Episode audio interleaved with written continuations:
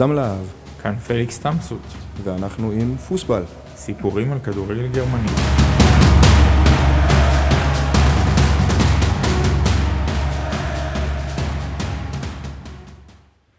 בוקר טוב פליקס, מה שלומך?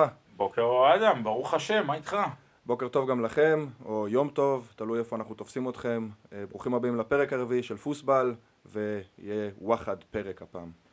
כן, אה, זה פרק שאני חושב שלא תכננו לעשות מלכתחילה, התוכניות שלנו היו אחרות לגמרי, אבל אני חושב שהאירועים של הסוף השבוע האחרון אה, סוג של מכריחים לשים את האירועים של, של אה, את כל מה שקרה באצטדיונים בסוף השבוע האחרון בקונטקסט, להסביר מי נגד מי, מה נגד מה, למה זה קורה, ואז שבעצם מאזיננו היקרים יוכלו, ומאזינותינו היקרות יוכלו לעשות את ההבחנה ולקחת את האינפורמציה ולאבד אותה בעצמם ולא לשמוע דרך מקור שלישי. אה, שנינו חווינו סיטואציות אה, מאוד מאוד מעניינות במשחקים של הקבוצות שלנו, אני בקלן נגד שאלקה, אה, אדם בדורטמונד פרייבורג, ואנחנו אני מתאר לעצמי נגיע לזה באריכות בהמשך. שנתחיל עם הקבוצות המרגשות שלנו? כן, נתחיל עם הפינות הרגילות שלנו, אנחנו מתחילים עם וירצבורג, שני משחקים היו להם בשבועיים האחרונים, שני ניצחונות, אחד על בראונשווייק, הם ניצחו 3-1 וגם את צביקה הם ניצחו במשחק חוץ. בסך הכל עונה מאוד נחמדה של וירצבורג עד עכשיו, הם נמצאים במקום השביעי עם 40 נקודות. הערת אגב, אחלה תצוגה מהקהל שלהם לפני המשחק נגד בראונשוויג, אה, לתמוך בשחקן שלהם, בלירוי קוואגבו, שחקן שלהם שחטף הערות גזעניות אה, אה, נגד מונסטר. אחלה אחלה תצוגה של הקהל, כל הכבוד. האמת שאני גם מאוד רוצה להסביר לכל החבר'ה פה אה, קצת על וירצבורג ואנחנו עוד חייבים למאזינים שלנו בלי שום קשר גם הסבר על כל הקבוצות, על כל הקבוצות המרגשות שלנו. אה, אני חושב שזה גם זמן טוב לספר שבפרק הבא אנחנו נעשה אה, special פרק אה, על כימי לייפציג ויובל רובוביץ' היקר אה, יגיע גם להיות אורח שלנו פה, שזה גם פרק שאני מאוד מתרגש לעשות אותו כבר. אה, בכל מקרה אנחנו נמשיך באמת עם חימי לייפציק, אם כבר אנחנו מדברים על יובל.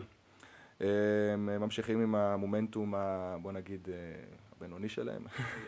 מומנטום, תשמע, הם יישארו ככה בליגה, אבל אה, זה סוג של, אתה זוכר לפני איזה 10-11 עונות הייתה עונה שאינטר לא הפסידה כל העונה, אבל היה לה איזה 15 תוצאות תיקו או משהו כזה? כן, אני זוכר... אז הם כאילו לקחו את זה לאקסטרים עם 0-0 כל הזמן, שזה טקטיקה, תשמע, הם יישארו בליגה ככה, אבל תשמע. אני זוכר את זה מהפועל חיפה, היה פעמיים שהפועל חיפה נתנה סשן אה, של מלא תוצאות תיקו, פעם אחת אחרי עונת האליפות, וגם הם היו אלופת התיקו, הם איזה 17 תוצאות תיקו לדעתי, בעונת משחקים, זה היה משהו הזוי לגמרי. והיה גם פעם אחת שהם עלו ליגה וסיימו חמש פעמים ברצף בתיקו 0-0, שזה גם די מזכיר את חימי לייפציג בקטע הזה. אה, כן, אז כמו שאמרנו, אה, חימי בעצם ממשיכים עם ה-0-0 שלהם, הפעם נגד אה, אלברשטאט. מקום 16, 14 נקודות, אפשר להגיד גם שמבחינה הזאת יש להם... פוזיציה טובה להישאר בליגה. פוזיציה טובה להישאר בליגה. עשיתי פה גם קצת טעות. אני התבלבלתי פה עכשיו עם בבלסברג, הם הרי משחקות באותה ליגה, כימי בכלל במקום ה-12 עם 23 נקודות כמובן, בבלסברג היא זו שבמקום העשירי, עם 14 נקודות ושתי משחקים חסרים, בבלסברג אגב גם שיחקה נגד אלברשטאט, בדיוק מהבחינה הזאת עכשיו גם הגיעה פה הטעות, כימי שיחקה לפני שבועיים, בבלסברג לפני שבוע, ככה שהם בעצם שיחקו נגד אותה יריבה. זה מפגש תחתית וקצת מבאס שהקבוצות פה לא לקחו נקודות. אה, מהבחינה הזאת נקווה שהמשך העונה יהיה קצת יותר מוצלח מהבחינה הזאת. אה, יש לנו את פלקה שחזרו מהפגרה בשעה טובה, היה להם אומנם שתי משחקי ידידות, עליהם לא דיווחנו, אבל אה, פלקה חזרו באמת מהפגרה שלהם עם ניצחון 2-0 על ניננדורף. מקום שישי, 37 נקודות בליגה המחוזית של המבורג. רחוקים מלעלות ליגה, אבל אני גם לא חושב שזה באמת השאיפות שלהם. לא, זה לא מה שהם רוצים. הם אה, מבחינתם, אה, אה, זו לא המטרה, אני חושב שההצלחה הגדולה של העונה שלהם היא לא בכלל לא על המגרש, לא. הם גייסו, מה, כמה זה היה, 150 אלף יורו זה היה? כן, הם קרובים ל-200 כבר. כן, אז הם גייסו הרבה מאוד כסף במטרה לבוא לעיריית המבורג ולהגיד, תשמעו, יש לנו גב כלכלי, אנחנו מועדון. שעם staff צעירים מאוד מאוד נרחב, עם אופרציה מאוד מאוד גדולה מבחינת חינוך, ואנחנו רוצים שיהיה לנו מגרש משלנו, ואת זה נכון. הם בדרך להשיג אה, נכון. בעזרת השם וישועתו. אז כל הכבוד פלקה. נכון, ויש לנו את טניס בורוסיה ברלין, שגם חזרו אה, לפעילות לפני שבועיים כבר, חזרו מהפגרה, הם מובילים את הטבלה וחזרו עם שני ניצחונות אה, מאוד מרשימים, 1-4-1 על שטראוסברג ו-1-4-0 על היריבה, בוא נגיד הכמעט, לא יודע, כן. היריבות הכי גדולה שלהם בליגה שלהם, אנזה רוסטוק 2 בעצם. ניצחו שם גם 4-0 בתצוגת תכלית, והם עדיין מובילים את הטבלה כמובן, עם 44 נקודות, 2 הפרש במקום השני. בדרך לרגיונל ליגה, שזה תענוג לא נורמלי, הרגיונל ליגה נורדוס שנה הבאה תהיה פשוט נכון. תענוג מפגר לגמרי. זה גם סוג של חלום של חברי המועדון שלהם שם, לחזור קצת לקדמת הבמה, ורגional ליגה מהבחינה שלהם זה... אגב, מבחינה פוליטית יהיה שם מאוד מאוד מעניין שנה הבאה, טניס בורוסיה תפגוש אם וכאשר הם יעלו ליגה, תהיה שם... תהיה שם שורה שלמה של קבוצות שהמפגשים האלה יולידו כל מיני קונפליקטים פוליטיים כאלה ואחרים. אה, יהיה מאוד מאוד מעניין, אה, או כמובן אה, באפצי דונמו, כן. הבולטת מביניהן שאוהדיה ידועים. איך נאמר, גישתם ה... יש שיאמרו קונסרבטיבית, יש שיאמרו ימנית, יש שיאמרו מצד אופנה של טור שטיינר, כל אחד בהגדרותיו הוא, אבל יהיה שם באמת מאוד מאוד מעניין. אנחנו בהחלט גם נעשה פרק על טניס ברוסיה, הם לגמרי שווים פרק ושנתעכב עליהם קצת יותר. קבוצה מרגשת לאללה, שעם עבר מאוד מאוד עשיר. היה תקופה אפילו בשנות ה-70 או ה-80 שהם אפילו היו ממש מספר 2 אחרי הרטה, בקטע כזה שהם אפילו כמעט עקפו אותם.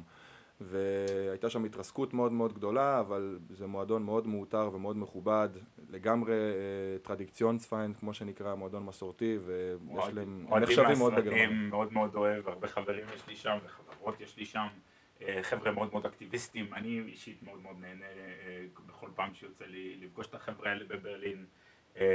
והם בסך הכל כוח מאוד מאוד חיובי בכדורגל הגרמני ואני מאוד מאוד אשמח.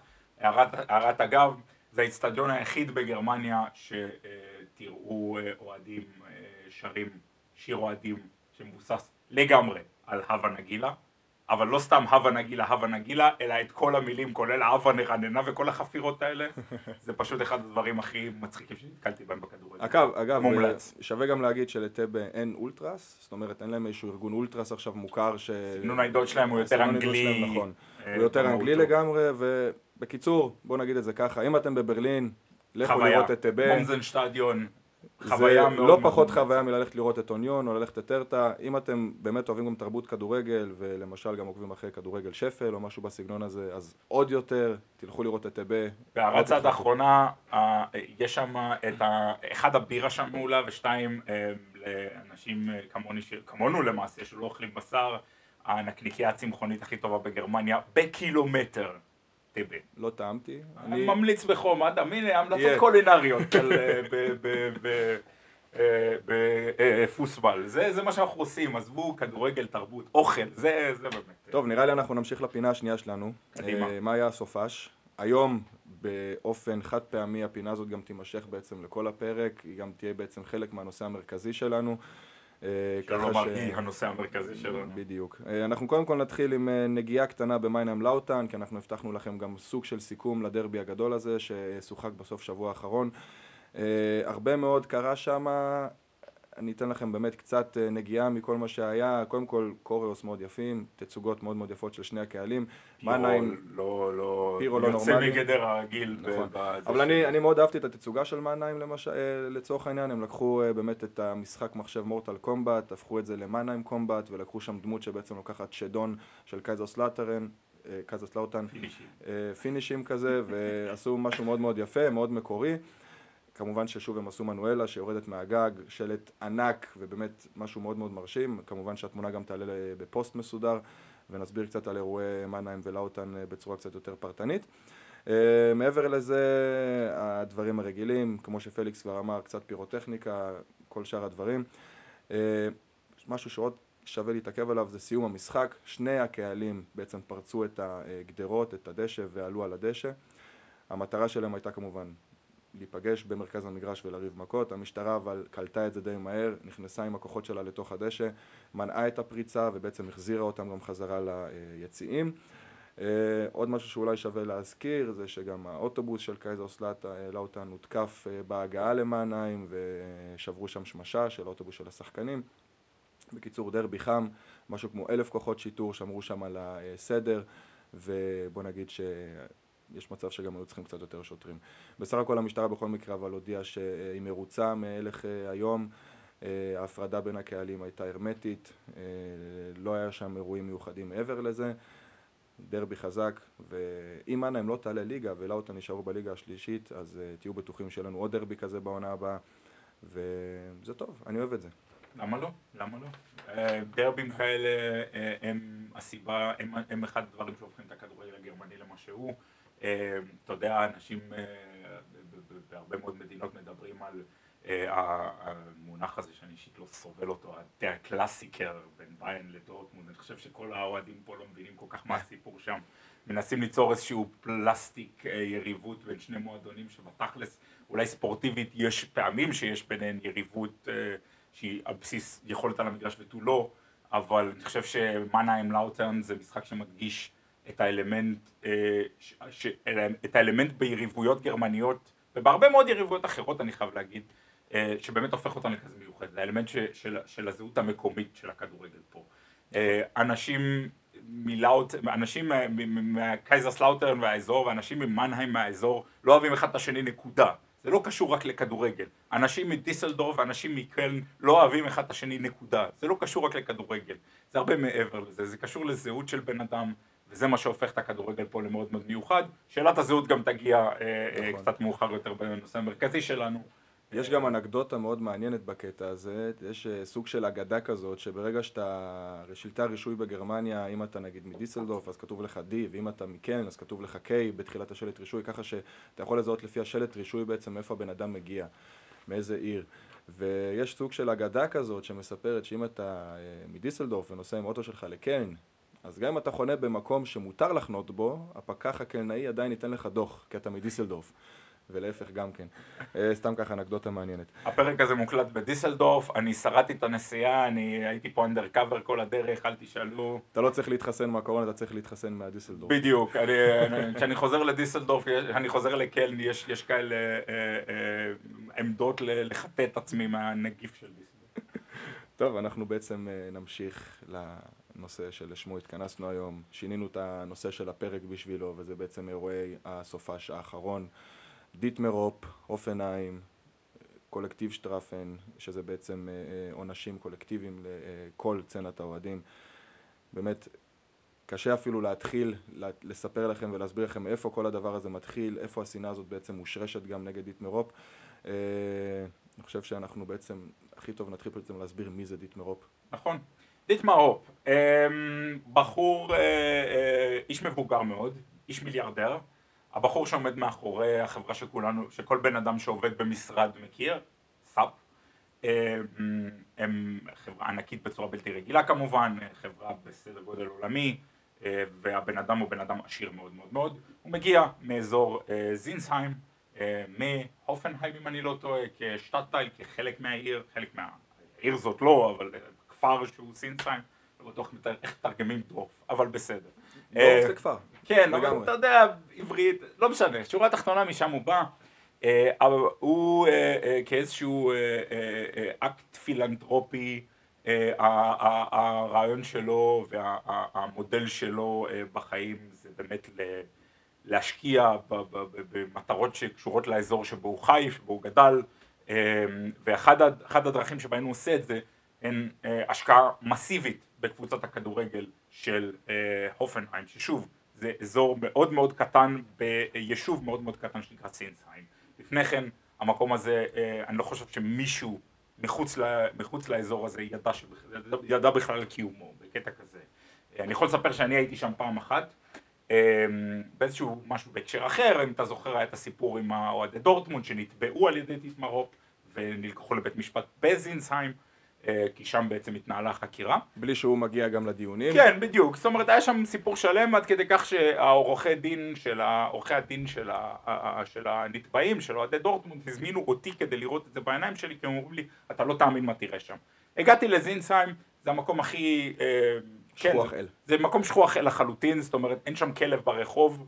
אה, אני, אני אישית לא נתקלתי בכל כך הרבה אה, באנרים, ולפלקציה, אה, כאילו באנרים של הבחירות האירופאיות שהיו אז, מלא באנרים של הימין הקיצוני, מה שקורה בהרבה מאוד מקומות קטנים בגרמניה. בקיצור, מקום מאוד מאוד קטן ולא מאוד, לא מאוד משמעותי נגיד ככה.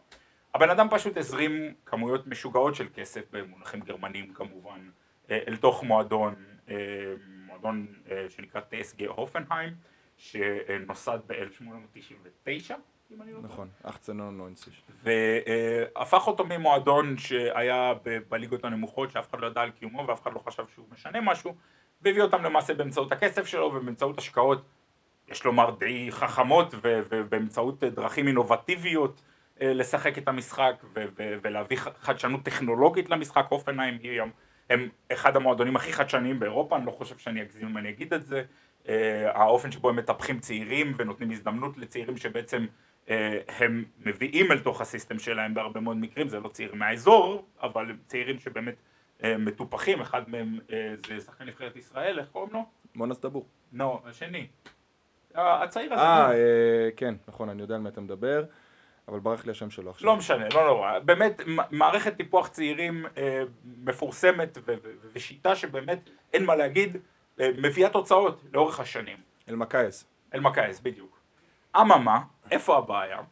כשאופנהיים הגיעו לליגה אה, הבכירה ב-2009 זה היה? שבע אם אני לא טועה. שבע, אוקיי. כשהופנהיים הגיעו לליגה הבכירה, אגב, אמר- גם בליגה השנייה כבר הם אה, סבלו מהרבה מאוד... בדיוק, אה, כשהם הגיעו לכדורגל המקצועני, ליגה שנייה, אה, שם זה התחיל. הייתה- היה הרבה מאוד רעש סביב זה, היה אה, סיפורים שאם אני לא זוכר טוב, אם אני זוכר טוב זה היה היידל שאמר שהם לוקחים מקום ל Traditionsverein. נכון, היידל, המאמן של מיינץ אמר ב-2007, ה sporting director של מיינץ, אם אני לא נכון, הוא אמר שהוא לא חושב שזה נכון לתת להופנהיים את אחד מ-36 המקומות אה, של קבוצות בליגות הבכירות, בשני הליגות הראשונות, שזה דרך אגב עוד דוגמה מצוינת לכמה דיטמר הופ בעצם לא יודע להתמודד עם ביקורת, הוא דרש... נגיע לזה, נגיע, נגיע לזה באמת, אה, זאת אומרת, אני, אני, רק היה חשוב לי להדגיש את, ה, את הציטוט הזה של קריסטיאן היידל שהוא איש מקצוע מאוד מאוד ידוע ומאוד מוערך בכדורגל הגרמני, היה Sportdirektor בשלקה גם, סביר אבל מאוד להניח שהיום הוא כבר החזיק בדעה אחרת, מה שהיה יכול להיות, ב-2007 אבל, היום זה אבל כבר זה, אחרת. באמת, זה באמת וייב שמייצג הרבה מאוד דעות בכדורגל הגרמני, שלא בהכרח, אתה יודע, מדברים על אולטרס וזה,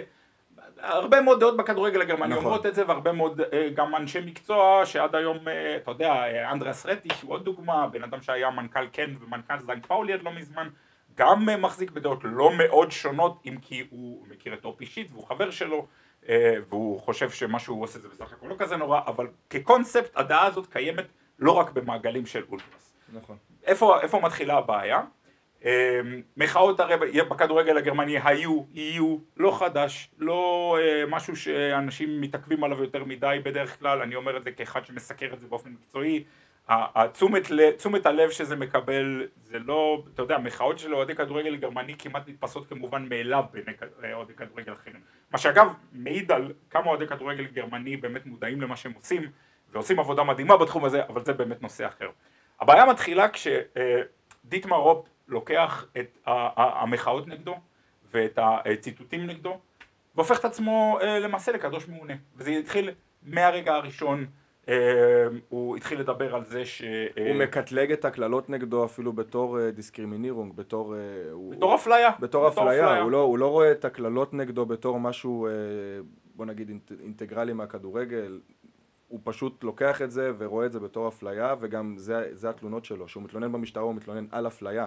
עכשיו בואו, נהיה נשים קצת הדברים על השולחן, אתה מיליארדר, יש לך חברה ענקית, אתה איש לבן, בוא, אל תתלונן על אפליה, אפליה זה אם אתה טורקי. אם אתה, אפליה זה אם אתה טורקי שמנסה פה להשכיר דירה, ואומרים לך, תשמע, השם משפחה שלך לא נראה לי, אתה לא מקבל את הדירה הזאת. וזה זאת קורה. אפליה, וזה קורה. המון. אבל לא אם, אתה, לא, אתה. לא אם אתה איש לבן שהוא ספונסר פרימיום של ההתאחדות, שיש לו קבוצת כדורגל פה, שהוא גם ספונסר של מועדון כדורסל של ביירן מינכן, ועם כל הדברים האלה אתה לא יכול להגיד אפליה. מה שקורה פה זה פשוט שמקללים אותך, כי אתה פשוט בן אדם לא אהוב, אבל לא אפליה. כן, אני חייב, אני חייב להגיד עוד משהו, זאת אומרת, בוא, בוא, בוא, בוא נסיים רגע לספר את הסיפור כמו שהוא, העניין הזה התפתח והתפתח, המחאות, אה, אני אגיד לך, אני אגיד לך את האמת, שנינו יודעים שהמחאות ככלל נגדו, די דעכו קל וחומר עם עניין רדבול וכאלה, אני חושב שהסצנה, סצנת האוהדים היחידה שהמשיכה את זה, זה אתם בדורטמונד. לא רק היוניטי, גם קבוצות אחרות, באמת בכל משחק נגד אופנהיים היו מחאות, השכם והערב, שוב ושוב ושוב ושוב ושוב, אני חושב שאני לא אגזים אם אני אגיד שהם ה...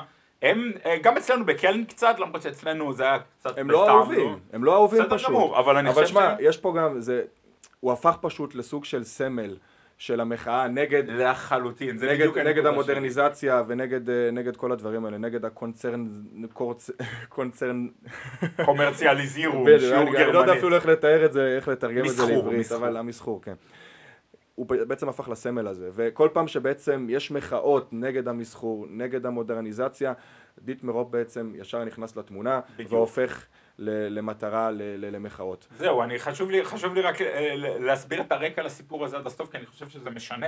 אה, הקבוצ, קבוצת, סצנת האוהדים היחידה, או, או קבוצות האולטרס היחידות שהמשיכו במחאה הזאת באופן תדיר, בכל משחק נגד הופנהיים, בלי יוצא מן הכלל, היו דורטמונד, פה ושם גם אצלנו בקלן, אה, למרות שאצלנו אני חייב להגיד, חלק מהמחאות היו קצת אה, בעיניי אה, בטעם לא טוב, גם, הבאנר גם, הזה... גם עם- שלקה, אם אני זוכר נכון. בוא, בוא נגיד ככה, שירים על דיטמר הופ יש כמעט בכל איצטדיון. לא, נכון, אבל אני חושב. שמחאות בסדר גודל מאוד מאוד רציני, הסצנה היחידה שבאמת דבקה בזה באופן מאוד. מאוד אה, רציני זו דורטמונד. זה דורטמונד. אה, זה הגיע לנקודת רתיחה בזמן האחרון, אה, במשחק האחרון ביניהן, או אפילו שנה שעברה זה הגיע לאיזושהי נקודת רתיחה, כשאוהדי לא, דורטמונד... העניין הוא כזה, לדורטמונד, עוד, עוד, הם היו עשו את הפאדנקרויץ הזה, את, ה- את, ה- איש, איש בין כוונות, זה היה לפני שנתיים כבר, ודורטמונד קיבלו שם עונש על תנאי, ובגלל העונש על תנאי הזה, בעצם העונש הזה עכשיו הופעל, ודורטמונד קיבלו עכשיו שני משחקי חוץ בלי קהל באופנהיים, אבל שוב על בן זונה, אבל כדי להסביר בעצם גם,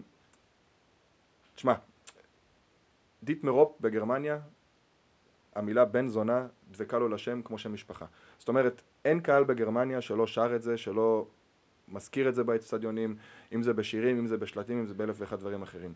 Hurensohn, שזה בעצם בן זונה, זה באמת סוג של כמו השם השני של דיטמר הופ פה. וזאת הסיבה גם שלמשל FC ביירן מינכן, האולטרס שלהם עכשיו במשחק בהופנהיים משתמש באותו מונח בעצם כדי לה- להעביר את המחאה שלו נגד דיטמר הופ. אה, צריך אבל באמת, לה- כדי להבין את זה, דיטמר הופ הוא בעצם היחידי בליגה, לייפציג אמנם עכשיו קצת הורידו ממנו את האש בגלל רדבול, אבל דיטמר הופ הוא בסופו של דבר הראשון שקיבל אישור בשתי ליגות הבכירות לעקוף את החוק של החמישים פלוס אחד. וזאת בעצם הבעיה ולמה הוא גם הפך למטרה של האולטרס פה, ושל כל הסצנות אוהדים. זאת באיזשהו מקום נקודת ציון, שבעצם... נכון. זה לא, זה לא דיטמר הופ הבן אדם, זה האופן שבו הופנהיים כמועדון ודיטמר הופ כבן אדם, באמצעות הפילנטרופיה הזאת שלהם, שאגב, לי אישית כקונספט, בהרבה מועדונים אחרים בעולם זה קורה, ולי אישית יש עם זה פחות בעיה, נגיד ככה יש קונספטים, קונספטי בעלות הרבה יותר גרועים בכדורגל העולמי, אבל בקונטקסט של הכדורגל הגרמני, בקונטקסט שבו אוהדים מרגישים שהמשחק נלקח אה, רחוק יותר ויותר אה, אה, מהם ככל שהזמן עובר, דיטמר רוב ואופנהיים נקודת ציון מאוד מאוד משמעותית וחשוב מאוד נכון. להגיד את זה. הוא אה, בעצם מביא את הפתח ללייפציג באיזשהו אופן. דיטמרופ 97% מהמניות של אופנהיים שייכות לו, שאר השלושה אחוזים הולכים לשאר החברים, שזה מעלה לי גיחוך, אתה יודע אם אתה מסתכל עכשיו על, הסיסטם פה בגרמניה, וזה בעצם גם נתן את הפתח ללייפציג באיזשהו מקום. כי לייפציג, לייפציג בתור, בתור קונצרן, נכון, כן. רדבול רואים אוקיי סבבה, יש פה בחור בשם דיטמר הופ שעשה את אותו דבר, הוא גם מיליארדר, מטשיץ גם מיליארדר, בוא, אם הוא הצליח, למה שאני לא אצליח? עכשיו, רדבול אמנם קיבלו קצת בלוקים וזה לא היה להם כל כך קל כי הם גם לא הגיעו מגרמניה ודיטמר הופ הגיעו, מג- הגיע מגרמניה והוא גם משקיע באזור שלו אז אולי קצת הקל עליו. אבל בסופו של דבר זה סוג של אותה גברת בשינוי אדרת ואפשר להגיד שבסופו של דבר רדבול נכנסו פה לתמונה אחרי שהם ראו את אופנהיים ואחרי שהם בעצם הבינו שהיה פה כבר סוג של תקדים שמאפשר להם להיכנס לכדורגל הגרמני. אני חושב שגם חשוב לציין, אה, באמת אה, להגיע, אה, לספר את הסיפור עד הסוף, של. לתת קונטקסט לסיפור הזה.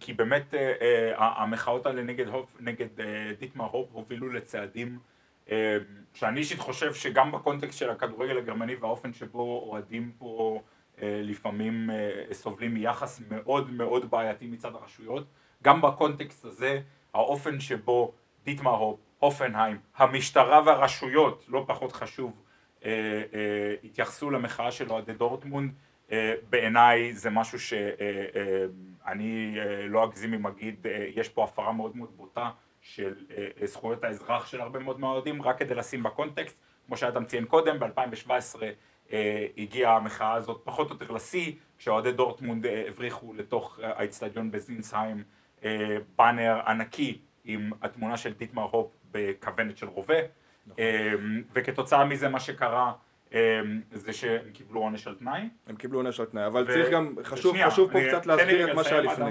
זהו, תן לי רגע לסיים. כתוצאה מהמחאות החוזרות ונשנות של אוהדי דורטמונד, הם, קיבלו באמת העונש הזה על תנאי, אבל מה שהרבה יותר חשוב מזה שקרה בעיניי, שאנשים קצת מתעלמים מזה ברמת הקונטקסט, זה שכתוצאה מהמחאות החוזרות והנשנות של אוהדי דורטמונד, בא TSG הופנהיים המועדון, ודיטמר הופ והרשויות, והתקינו לא פחות מקולטני סאונד מיוחדים שיעזרו להם לזהות אוהדים ששרים שירים מעליבים על דיטמרופ. זה חסר תקדים בכדורגל הגרמני, זה חסר תקדים בגרמניה, מדינה שאנשים לא נותנים שם אמיתי בפייסבוק, הם קנאים לפרטיות שלהם. זה חסר זה... תקדים במונחים עולמיים אפילו, במונחים דמוקרטיים. בדיוק, יש פה כאילו... בעיה של זכויות אזרח בעיניי. וההקלטות האלה לאחר מכן אה, נעשה בהן שימוש אה, כדי, כדי להגיש תלונות כדי במשטרה. להגיש תלונות במשטרה נגד אוהדים פרטניים וזה הקייס שגם אני הייתי בו אה, בגללו, בשבילו בבית המשפט בזינסיים. זה שעורך הדין הטע אותי ונתן לי את היום הלא נכון ונסעתי עד לחור הזה לחינם זה סיפור אחר. זה, אבל... מתחבר, זה מתחבר לכל הסיפור הזה של הוא עושה מעצמו קדוש מעונה, בסופו של דבר הוא ממש לא קדוש מעונה. יש פה בן אדם שמשתמש בדרכים האלה באופן שיטתי, לא רק בכדורגל אלא גם בחברה שלו, בסאפ. יש את הסיפור המפורסם הזה שהוא רצה להעביר את המפעל שלו, את, אה, את, את הגשפט שלו, את, את הנקודת, אה, את החברה שלו המשרדי. בעצם מוואלדורף בגלל שהעובדים שלו רצו להתאגד ורצו לפתוח ועד עובדים. הוא איים שאם זה הולך לקרות הוא פשוט הולך לסגור את החברה ולהשאיר אותם מובטלים. היה על זה סיפור ענק פה בתקשורת, אף אחד לא הבין מה הוא רוצה. בסופו של דבר, אה, אני אפילו לא יודע אם באמת הוקם בסופו של דבר ועד עובדים, אבל בכל מקרה האיום היה שם, הוא לא רצה שהם יתאגדו, הוא לא רצה שיהיה ועד בחברה שלו. רק כדי להבין, אה, כדי לסבר את האוזן באמת כמה בן אדם הזה לא יכול להתמודד עם ביקורת, כמה לא מעניין אותו לשמוע מה יש לאחרים להגיד וכמה הוא בעצם באמת פילנטרופ ובשבילי באמת מקור כל הרוע בקטע הזה. אני רק אגיד אה, עוד משהו נוסף בהקשר הזה כי באמת התביעות הפרטניות האלה נגד אוהדי דורטמונד באותו, באותה תקופה, שבאמת אה, לאחרונה אה, אה, הגיע גם פסק דין בנושא, אוהדי דורטמונד, היו מספר לא מבוטל של מקרים של אוהדי דורטמונד ואוהדי אפצה קלן אגב, שנלקחו לבית משפט, במקרה של אוהדי קלן אגב הם זוכו, אבל במקרים של חלק מאוהדי דורטמונד הייתה הרשעה. אני אישית בקשר עם עורכי הדין שלהם, אני יודע שהם הולכים לקחת את זה אה, הלאה כי אה, יש שם ביקורת מאוד מאוד רצינית על איך המשטרה והרשויות התנהלו במקרה הזה, הם מתכוונים לקחת את זה עד לבית הדין האירופי, כי אה, כמו שציינו יש פה עניינים של זכויות אדם, של זכויות אה, אזרח, לא אדם כמובן, תודה לאל, עדיין לא, אה, אולי גם לשם נגיע באיזשהו שלב, אבל באמת העניינים האלה אה, צריך שייתנו עליהם את הדעת, מדובר במיליארדר, מדובר בגבר אה, פריבילגי בצורה לא נורמלית, שעליו כל הרשויות בגרמניה מגינות. אה, ולא מדובר רק על רשויות הכדורגל, מדובר גם על רשויות בכלל באזור זינסהיים. וגם התקשורת. וגם התקשורת, כן, אני, אני חייב לציין שבנקודה הזאת, אני כאיש תקשורת, אה, חלק מהדברים שראיתי בסוף השבוע האחרון הם, הם, הם נגיע לזה. שורה תחתונה, הכל הגיע לנקודת רתיחה בסוף השבוע האחרון. שווה גם להתעכב על אבא שלו לפני שאנחנו ממשיכים עם המחאות? נגיע לאבא שלו עוד שנייה, אני, אני מבטיח להזכיר את זה, תן לי רגע לסיים את הקונטקסט, כי זה, זה פשוט נושא שאני ואתה, אתה יודע, גם באוטו דיברנו עליו מי יודע כמה זמן, ואנחנו יכולים לדבר עליו כנראה עוד שעתיים. תכלס אפשר לעשות על זה גם שתי פרקים. לגמרי. שורה תחתונה, כל הסיפור הגיע לרתיחה בסוף השבוע האחרון. ביאן מינכן שיחקה בחוץ באופנהיים. אה, לקונטקסט, אה, יש אה, כל מי ש... קצת מעורה בעולם, ה... בתרבות האוהדים של הכדורגל, האוהדות והאוהדים. בכדורגל הגרמני יודע ש... או יודעת שיש אמ, אה, אה, מה שקוראים בגרמנית דיסקרפנץ, יש הבדל מאוד מאוד משמעותי בין הקונספט של איך, איך הכדורגל אמור להיראות בעיני ביין מינכן כמועדון או בעיני ביין מינכן אגה, אה, העסק שמנהל את מועדון הכדורגל של ביירן מינכן ולא את המועדון בכלל, שבו יש ענפי ספורט נוספים כמובן. אה, ובין האופן שבו אה, הגרעין הקשה של אוהדי ביירן מינכן, האולטרס אה, ואחרים אגב, לא רק האולטרס, רואים את, את משחק הכדורגל ואיך הוא אמור להיות מנוהל בגרמניה. הבדל מאוד מאוד משמעותי, אוהדי ביירן מינכן או האולטרס של ביירן מינכן, גם חלק גדול ממועדוני האוהדים שלהם שבאמת נוסעים לכל משחק, ידועים כ, כ, כחבר'ה שמאוד מאוד מתנגדים לקונספט של מסחור יתר, מאוד מאוד מתנגדים לקונספט של אה, אה, ניצול של זכויות אדם כדי להכניס יותר כסף למועדון, הם מאוד מאוד מודעים לעניינים פוליטיים שקורים בגרמניה ואיך המועדון שלהם לוקח בהם חלק. דוגמה אחת שאני יכול לתת לעניין הפוליטי זה שביירן מינכן תרמה לאחרונה כסף לוועד העובדים של המשטרה בגרמניה. ועד עובדים שחבריו התבטאו באופן מאוד מאוד בעייתי לגבי גורמים פוליטיים כמו מפלגת ה-AFD הימנית קיצונית לצורך העניין הייתה שם מחאה מאוד מאוד משוגעת בזודקור של מינכן על זה, זה סתם כאנקדוטה. כתוצאה מהעניין הזה, כתוצאה מהתפיסה שלהם של, של, של זכויות אוהדים ושל זכויות, זכויות אזרח באופן כללי, אוהדי ביין מינכן לקחו את עניין, ה, את עניין אוהדי דורטמונד ואיך הם הוא, שזה עוד משהו ששכחתי לציין, אוהדי דורטמונד כתוצאה ממחאה נוספת שהתקיימה נגד הופ במשחק האחרון בין שתי הקבוצות שהתקיים מה לפני חודש וחצי, חודשיים? בסוף חודש דצמבר, זה היה לפני הפגרה.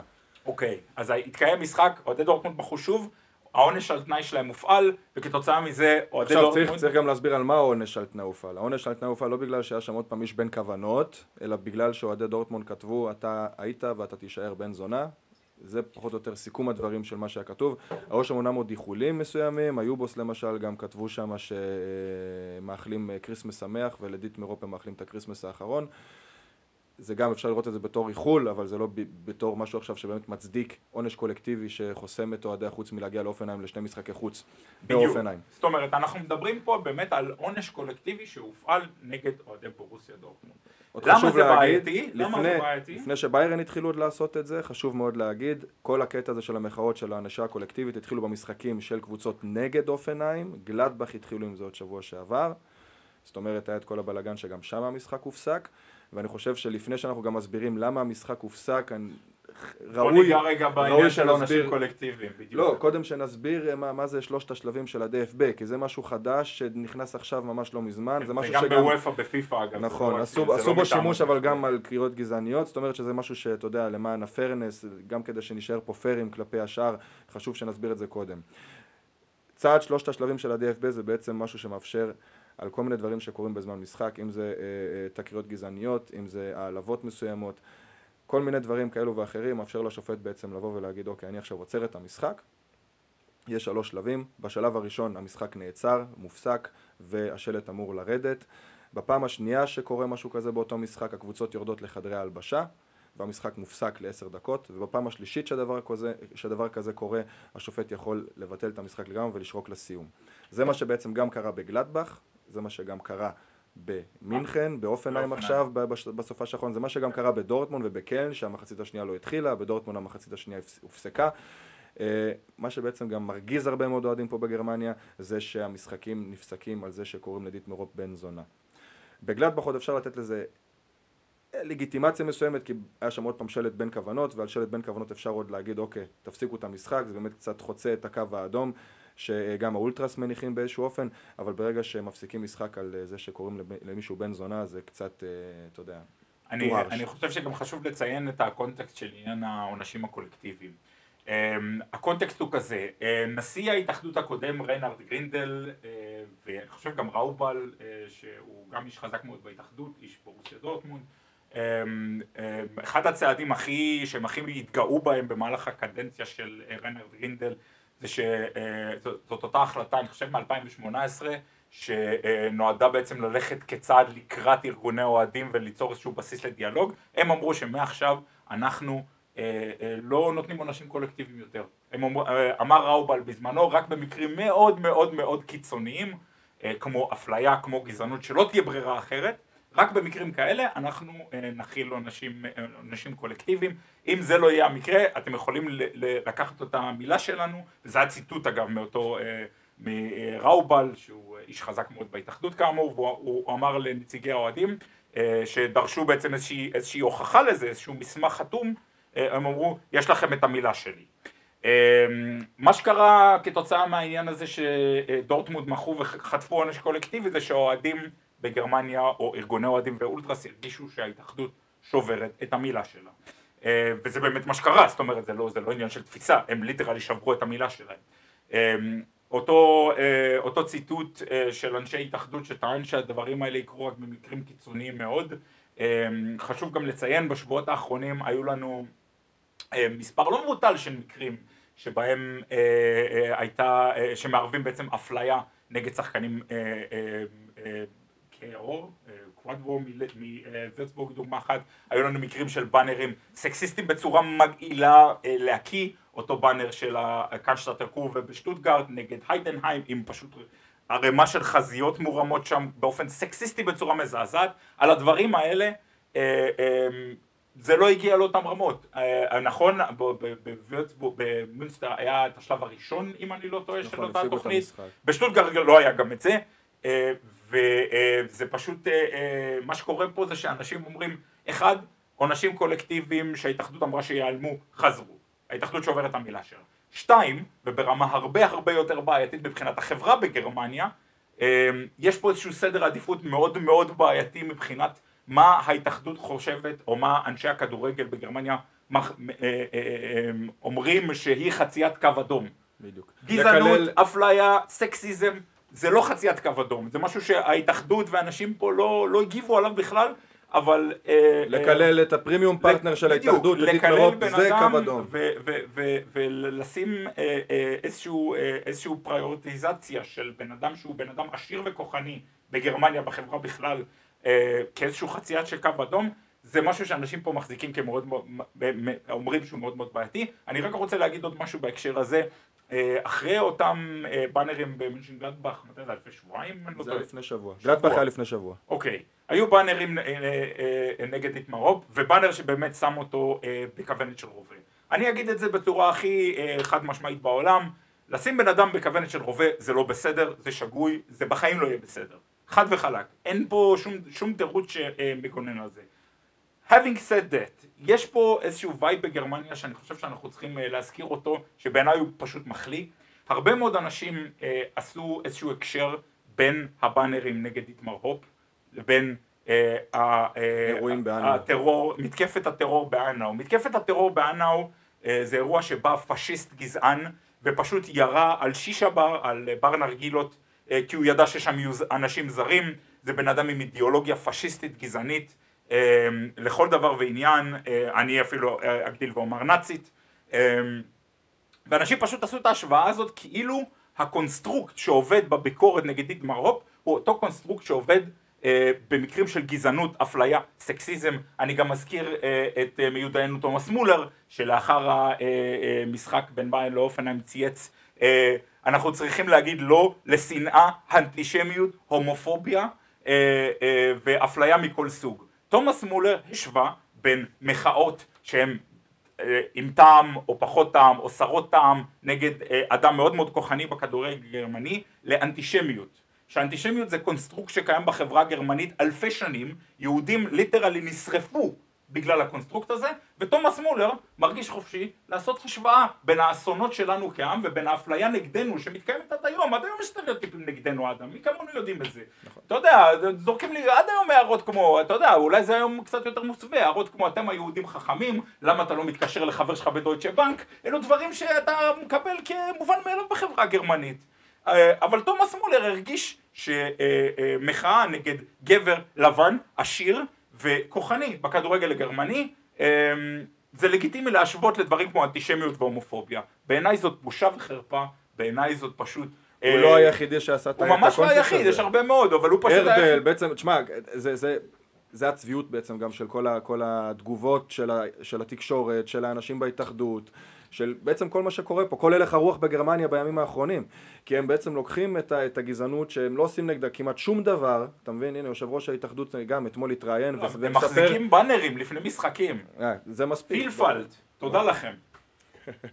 יושב ראש ההתאחדות אתמול עונה על השאלה, שאלו אותו אתמול, למה לא נלחמים בגרמניה בגזענות כמו שנלחמים בה באנגליה ובהולנד? מה הוא אומר? זה לא בעיה ארוכת שנים כמו שזה שם. עכשיו, בוא, אתה יודע, שנות ה-80, בוא, בוא, ת, תגיד, תגיד את זה לארפסה, שהיה צריך להילחם עם הברוסן פרונט בשנות ה-80. אתה מבין? כאילו, בסופו של דבר האולטרס האולטרס השמאלנים האלה, שעכשיו הם עומדים על המוקד, לא הם- הם שנים. הסיבה- כאילו הם לא היו- הסיבה- כאילו לא היו קבוצות גרמניות שהצדיעו במועל יד. בדיוק. כאילו לא היו- לא היו פה נאצים. עכשיו, כאילו לא האולטרס- שנ- זה פשוט האולטרס לא. שתומאס מולר יוצא עליהם כל כך, השיקרי, האולטרס האלה, ש- שתומאס מולר כל כך יוצא עליהם, זה בעצם הסיבה שהנאצים היו מחוץ לאצטדיונים. הרבה מאוד מהקבוצות אולטרס השמאלניות האלה, הם אלו שנלחמות בנאצים, הם אלו שנלחמות באנטישמיות. אם לא הייתה שיקריה, לא היה את קורט לנדאואר, לא היה את לא כל היינו הכבוד שהוא מקבל, לא היינו יודעים. שהוא קיים. בכלל, האנדרטה שלו לא הייתה מוקמת. הם fucking קיבלו על זה פרס מההתאחדות, כאילו הם... הם הם קיבלו על- את זה, על זה את הכבוד הראוי, כולם יודעים מה הם עושים ואיזה פעולות הם עושים. ושבא עכשיו רומיניגה ואומר שיקריה, קאוטן, אידיוטים, קאוטן זה סוג של משוגעים, אה, עבריינים. עבריינים ו- ואידיוטים ומטומטמים ואין להם שום מקום אצלנו באצטדיון. סלח לי, כן, אבל זה, זה צביעות לשמה. אני לא יודע בכלל איך, אה, להסביר כמה אני בכלל נגעל מאמירות כאלה. זה בושה וחרפה ש, שבעלים של, ש, שמנכ"ל של מועדון בכלל מתבטא ככה נגד הקהל שלו, במיוחד לאור העובדה שהוא יודע כמה הקהל הזה כבר עשה למען ביירן מינכן וכמה הוא עושה עדיין למען, למען ביירן מינכן. זה, זה לא מצליח להיקלט לי בראש. אני חושב שזאת נקודה מאוד מאוד חשובה אדם, אני חושב שגם שווה, שווה להרחיב על זה קצת. מנקודת מבט שלי, באמת הסיפור הזה עם שקריה, אה, יש לו שתי זוויות מאוד מאוד מרכזיות. הזווית האחת היא באמת לגבי ביין מינכן כמועדון.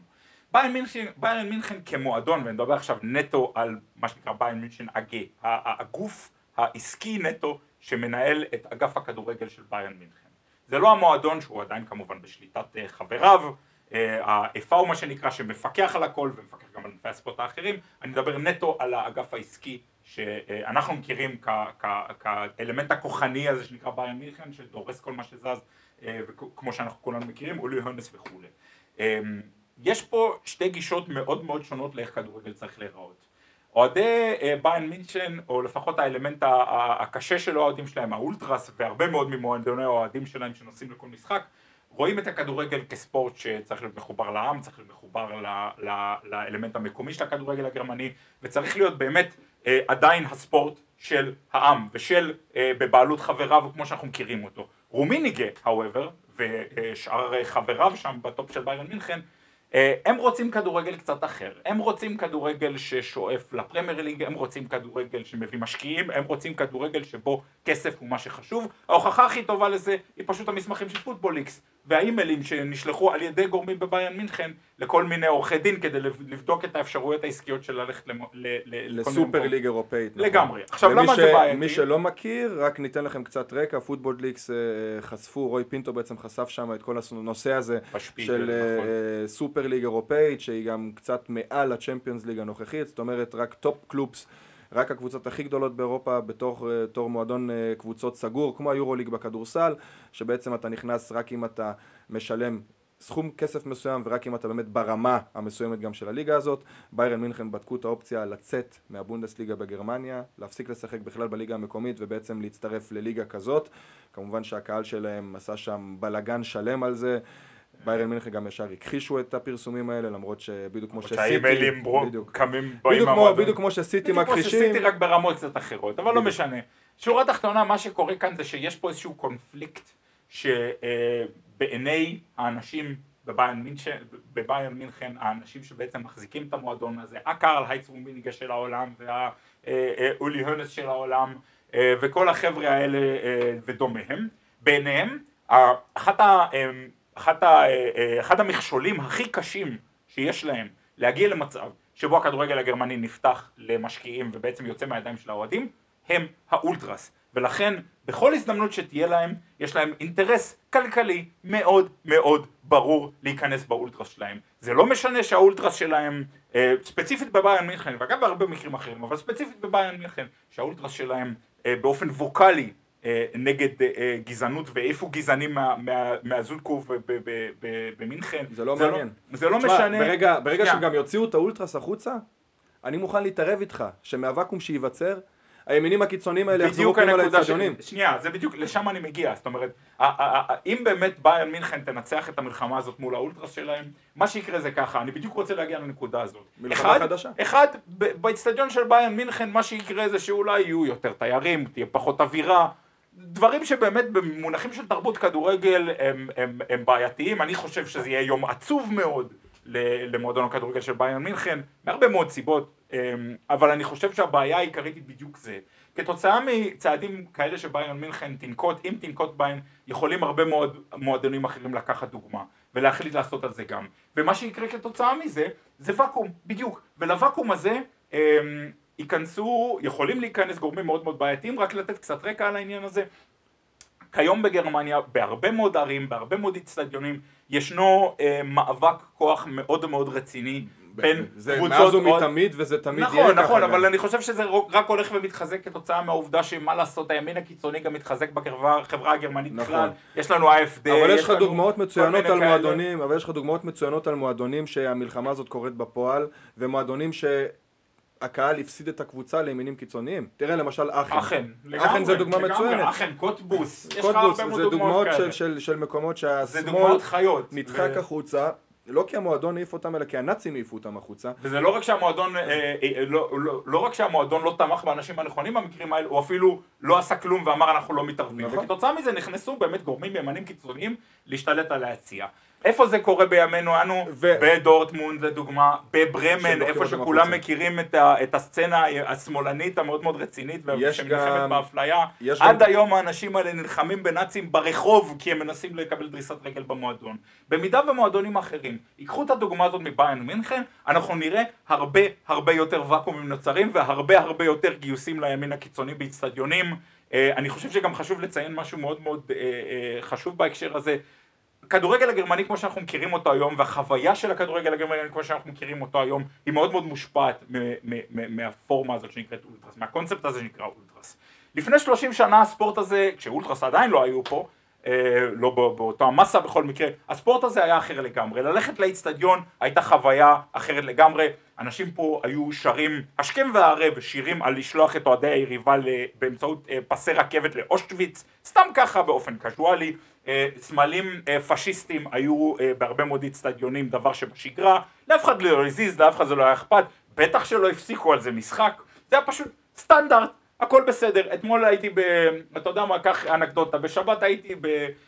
לפני המשחק של כן נגד, שלקה, הייתי במסיבת צפייה של איזה חבר שלי שמחזיק ארכיון של כל התקצירים של אפצי כן לאורך השנים, והוא עשה מסיבת צפייה למשחקים שבהם ניצחנו קבוצות מהרוגבית, מדורטמונד לשלקה, לאסקבטנשייט ומה לא.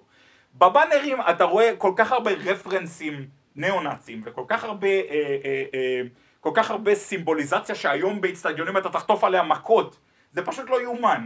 וזה הכדורגל כמו שהוא היה לפני עולם האולטרס. ברגע שאנחנו לוקחים את האולטרס מהאיצטדיונים אנחנו יוצרים ואקום שאליו גורמים כאלה יכולים להיכנס שוב וזה מה שאומר שלזרים כמונו זה הופך את הכדורגל by definition לפחות נגיש וליותר ויותר בעייתי זה חשוב מאוד להדגיש. ובשלב מסוים זה גם יהיה כבר מאוחר מדי, וגם לזה יש דוגמאות היום, זה משהו שגם רציתי להגיד קודם, יש לנו למשל את הדוגמה הכי טובה בעצם, הדוגמה החיה, קמניץ. גם עכשיו, כשהמועדון מנסה להילחם בזה, ומנסה להילחם בצנה הניאו-נאצית, אין לו כבר סיכוי.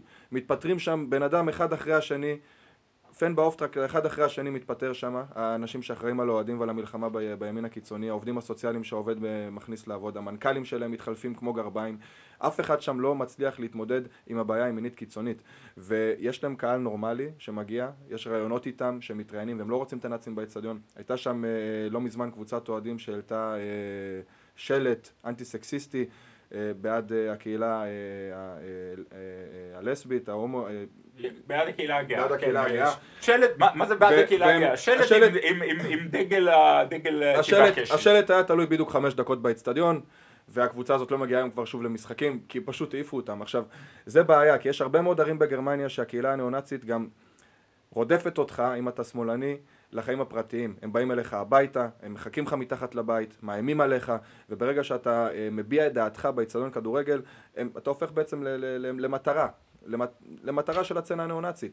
וקמניץ זה הדוגמה החיה הכי טובה למה שיכול לקרות ברגע שאתה יוצר את הוואקום הזה בתוך היציעי אולטרס. כי ברגע שלא יהיה את השמאל הזה, שבעצם דוחק את הימין לפינה, את הניאו-נאצים לפינה, הניאו-נאצים ימצאו את המקום שלהם שוב באצטדיון, וזה כבר יהיה מאוחר מדי למנוע את זה. אני רק אגיד. שאנחנו אמנם אנשים שבאמת מעורבים במובנים שונים בכדורגל הגרמני ואנשים שהולכים למשחקים ובאמת מדברים מתוך הפוזיציה של נגיד במקרה שלי גם כעיתונאי אבל גם כאוהד ובן אדם שמכיר את האנשים האלה ממקור ראשון אני חושב שחשוב מאוד לציין בהקשר הזה שאלו לא רק המילים שלנו, אני רוצה להזכיר בנקודה הזאת את מה שאומרים הקואורדינציון שטלה פן פרויקט בגרמניה, רק לקונטקסט פן פרויקט זה קונספט של עבודה סוציאלית שפותח בגרמניה בשלושים השנים האחרונות שסובב סביב אוהדי כדורגל צעירים ונועד בעצם להנחיל להם תפיסות דמוקרטיות ותפיסות אנטי גזעניות זה פרויקט מוצלח בצורה בלתי רגילה וחסר תקדים בעולם הכדורגל בכלל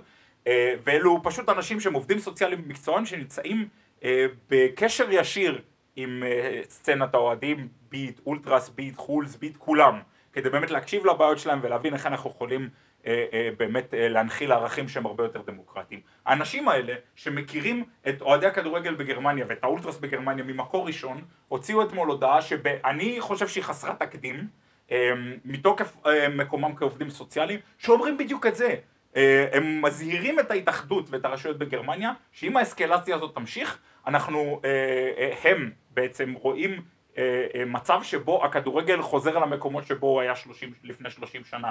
מתי שהם התחילו את העבודה שלהם ומתי שהם היו צריכים להתמודד עם גורמים מאוד מאוד בעייתיים בכדורגל הגרמני. ואת זה אומרים עובדים סוציאליים אנשים שמכירים את הנפשות הפועלות באופן אישי ויודעים בדיוק מה הסיכון כאן שזה מוביל אותנו לנקודת האל חזור בעצם, שהרבה מאוד אנשים מדברים עליה גם, שהיא בעצם נחצתה בסופש האחרון.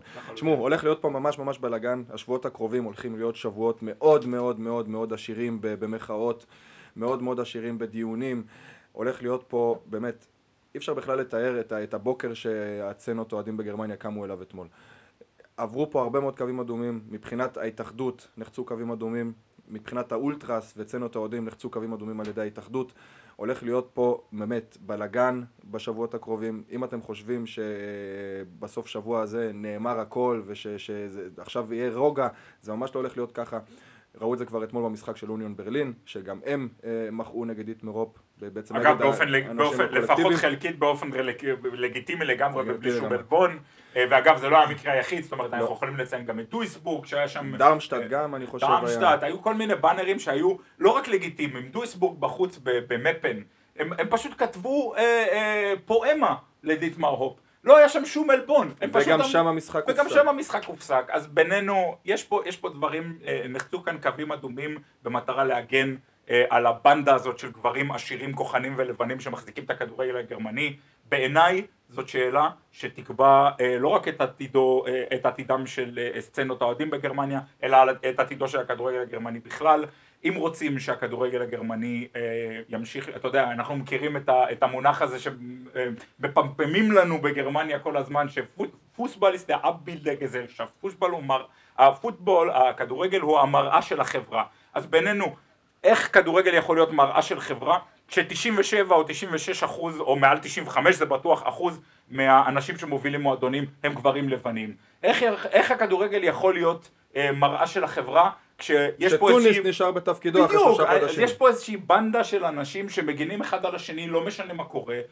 טוניס זה מקרה מעולה, הבן אדם פשוט אמר דברים גזענים בצורה בלתי רגילה, ולמעט כמה חבר'ה מאפצה זנג פאולי ופיצר פישר מאיינטראכט פרנקפורט, לא היה אחד שבא ואמר הבן אדם הזה צריך להתפטר, לא היה אחד. היחידים שאמרו את זה הם היו אולטרס.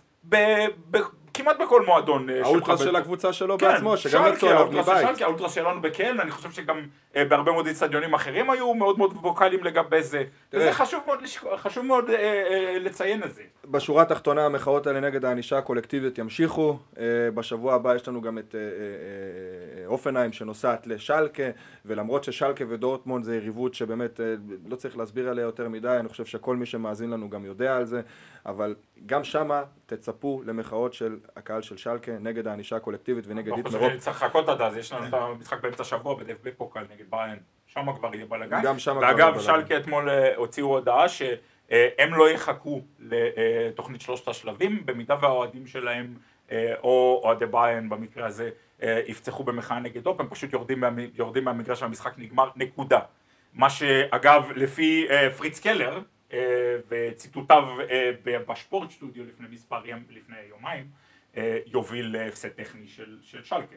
אני גם חושב שחשוב לציין את הנקודה הזאת שבאמת מדגישה את האבסורד המוחלט בכל הסיפור הזה. נשיא ההתאחדות פריץ קלר התראיין במשך כשעה אם אני לא טועה בשפורט סטודיו בטלוויזיה הציבורית בגרמניה אחרי אירועי יום שבת.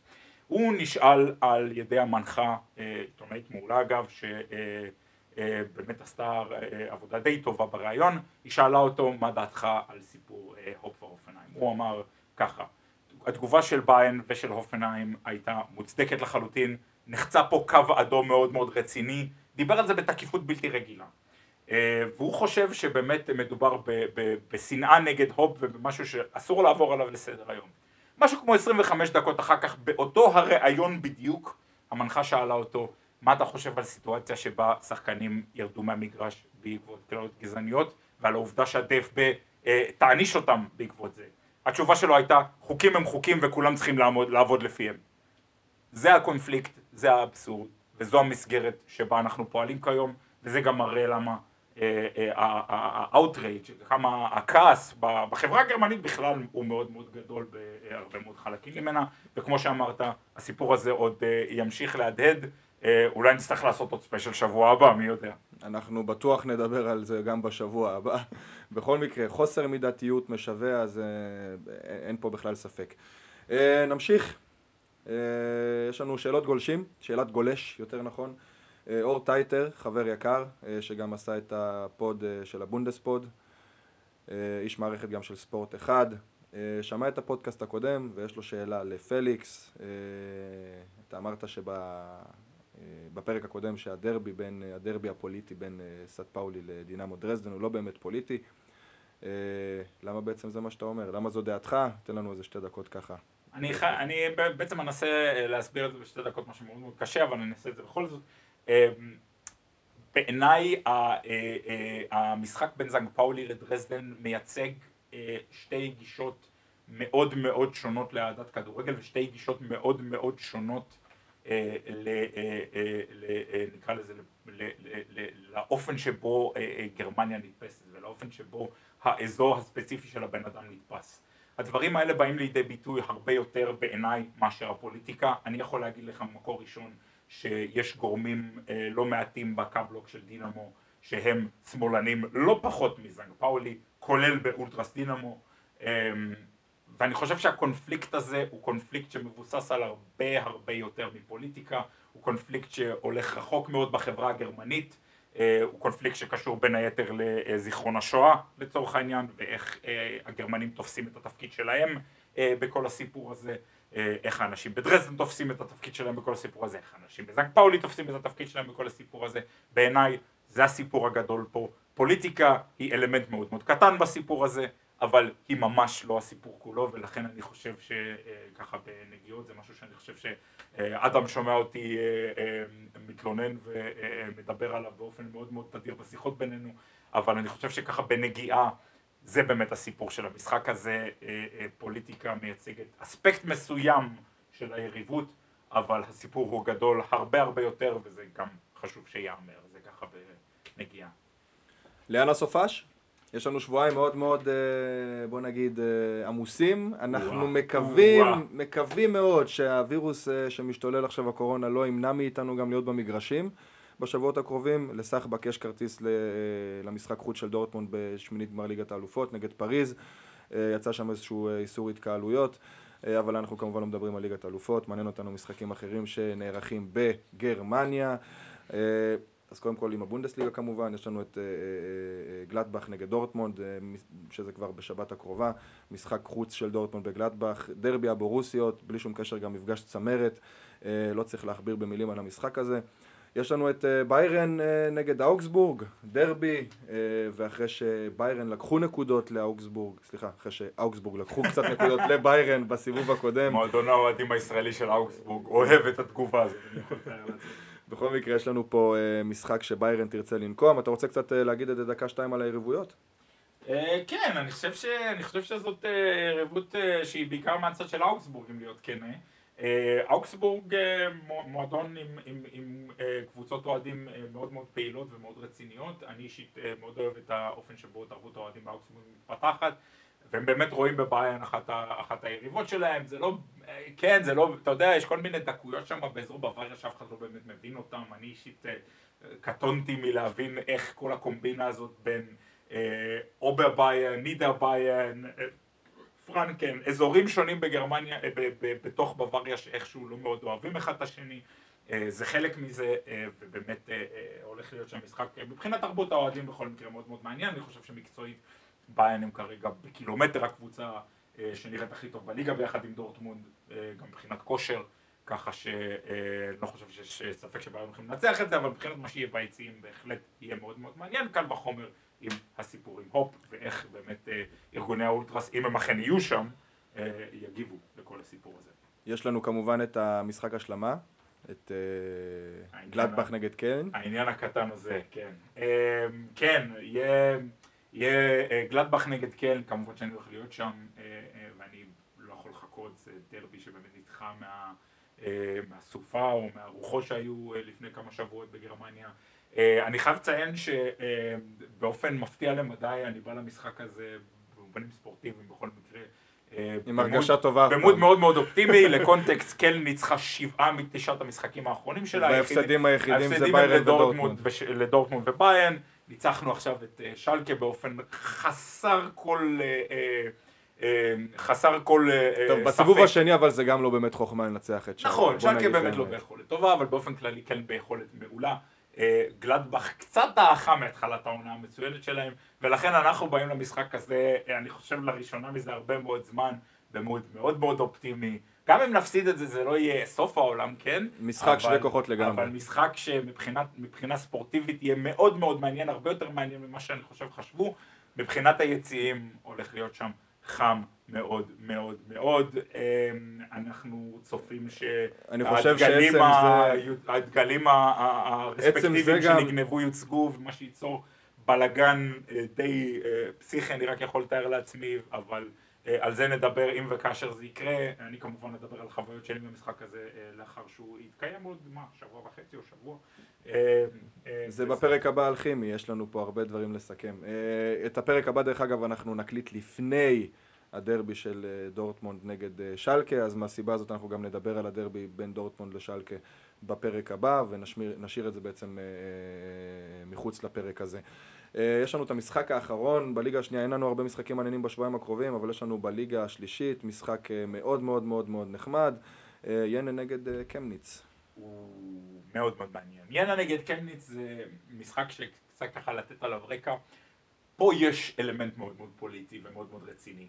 כמו שאדם הזכיר בקונטקסט של הנושא העיקרי שלנו היום אה, בקמניץ, יש הרבה מאוד גורמים ימנים קיצוניים שמתערבבים שם בסצנת האוהדים. אה, סצנת האוהדים של קארט סייס ציינה, לעומת זאת אה, בראשם האולטרס והזודקו ביינה, הם חבר'ה עם תפיסות מאוד מאוד אנטי פשיסטיות, מאוד מאוד שמאלניות. חברים טובים של שיקריה ושל אולטרזק פאולי דרך אגב. אחת הקללות המוכרות יותר על ינה זה יודן ינה. יודן ינה, בדיוק. מצידם של היריבים הגדולים מארפורט. יריבות שהיא באמת, פה באמת יש אלמנט פוליטי מאוד מאוד רציני, יהיה מאוד מאוד מעניין לראות איך האולטרס משני הצדדים ככה יבטאו את היריבות הזאת ובאמת אנחנו נמשיך לעקוב ונעדכן במקרה הצורך. זה מה שאנחנו גם נעשה. טוב, אנחנו סיימנו את הפרק הרביעי, פרק עשיר מאוד במידע. נשימה ארוכה, אדם, להירגע, זן, זן. אני, אני, תשמע, אני עוד לא יודע איך זה, איך זה הולך להתקדם, אבל הפרשה הזאת בסופה האחרון, באמת, אה, הייתי אתמול כל היום עסוק ב, אתה יודע, לשאוב מידע, מה קורה שם, מה קורה פה. איך זה הולך להתקדם, מה התגובות שלהם, מה התגובות של ההוא. כן. אתה חמה מרגיש עיתונאי שאתה צריך לסקר את כל השיט הזה. תשמע, אני גם בקושי הצלחתי להכין את עצמי לפרק הזה, אני אגיד לך את האמת, כי היה לנו תוכניות אחרות ביום שישי, ואז ביום שבת קרה מה שקרה, וביום ראשון אמרנו, טוב, נעשה את הפרק בסוף על, על, על דיטמר רוב ועל המחאות האלו. Uh, תשמע, אני מקווה שעשינו צדק, זה מה שאני מקווה. אני מקווה שהצגנו את הצדדים השונים בדיון ולמה זה כל כך בעייתי כאן. אה, אם יש שאלות, אם אתם רוצים לשאול משהו או רוצות לשאול משהו, תשאלו בכיף. אנחנו אה, בפייסבוק, בטוויטר, אה, זמינים. אדם פה עושה עבודת קודש בזמן שאני מתעצבן על אנשים בטוויטר האישי שלי. אדם פה ממש עושה עבודת קודש בלהפיץ את המידע הזה ובאמת להעביר אותו הלאה. אנחנו נשמח גם לדבר איתכם אישית ולהגיד גם את הדעות שלנו בנושא, מעבר ל... אתה יודע, שאלות על עובדות, אנחנו גם כאן לייצג את, את, את העמדות של האוהדים בגרמניה ומאוד מאוד נשמח לענות על כל שאלות שיש. רק תשמרו על תרבות דיון, תשאירו סרקזם בחוץ. כן, אמ, באמת בואו נשמור על תרבות דיון נאותה, היו לנו כמה מקרים של אנשים שהביעו דעות אה, אה, גזעניות ובעייתיות מאוד בעמוד שלנו, אנחנו רוצים רק להגיד באופן ברור לחלוטין, הפודקאסט שלנו, ערוצי הסושיאל מדיה שלנו, באופן ברור, החלטי וחסר כל אה, ספק נגד סקסיזם, נגד הומופוביה, נגד גזענות, מכל סוג, נגד אפליה מכל סוג שהוא, אה, ברגע שמישהו אה, מגיב תגובות כאלה, התגובה האוטומטית תהיה אה, הרחקה מהעמוד. אם נכון מדובר בפחות עוקבים, אבל מבחינתנו אלו לא עוקבים שאנחנו רוצים, חד וחלק. אז בואו נשמור על תרבות דיון, גם אם יש לנו דעות אחרות, גם יש לנו אה, אה, אופנים אחרים לראות את הדברים, אה, ובשביל זה בעצם קיימות הפלטפורמות האלה, ואנחנו מאוד נשמח לדבר על איך שאנחנו רואים את הדברים, רק בואו נשמור על תרבות דיון. בדיוק. טוב, זה הכל להיום. אתם כמובן יכולים למצוא אותנו בטוויטר, בפייסבוק, הפוסטים שאנחנו מעלים במהלך השבוע יעסקו בפרק הזה ובכל מיני דברים שיסכמו גם את הפרק הזה. בפרק הבא אנחנו נדבר על כימי לייפציק, ממליצים לכם מאוד להקשיב, אתם גם תכירו את... בתקווה שלא יקרה שום דבר נכון, בתקווה באמת. בגזרת רוב. מקסימום אנחנו, אה, מה אני אגיד לך, אני יודע מה, מקסימום נעשה, נעשה שתי פרקים עם יובל, אחד על אופ ואחד על זה. אנחנו פה על חשבון הברון. בדיוק. יאללה, שיהיה לכם יום טוב ושבוע טוב. דרישת שלום מ...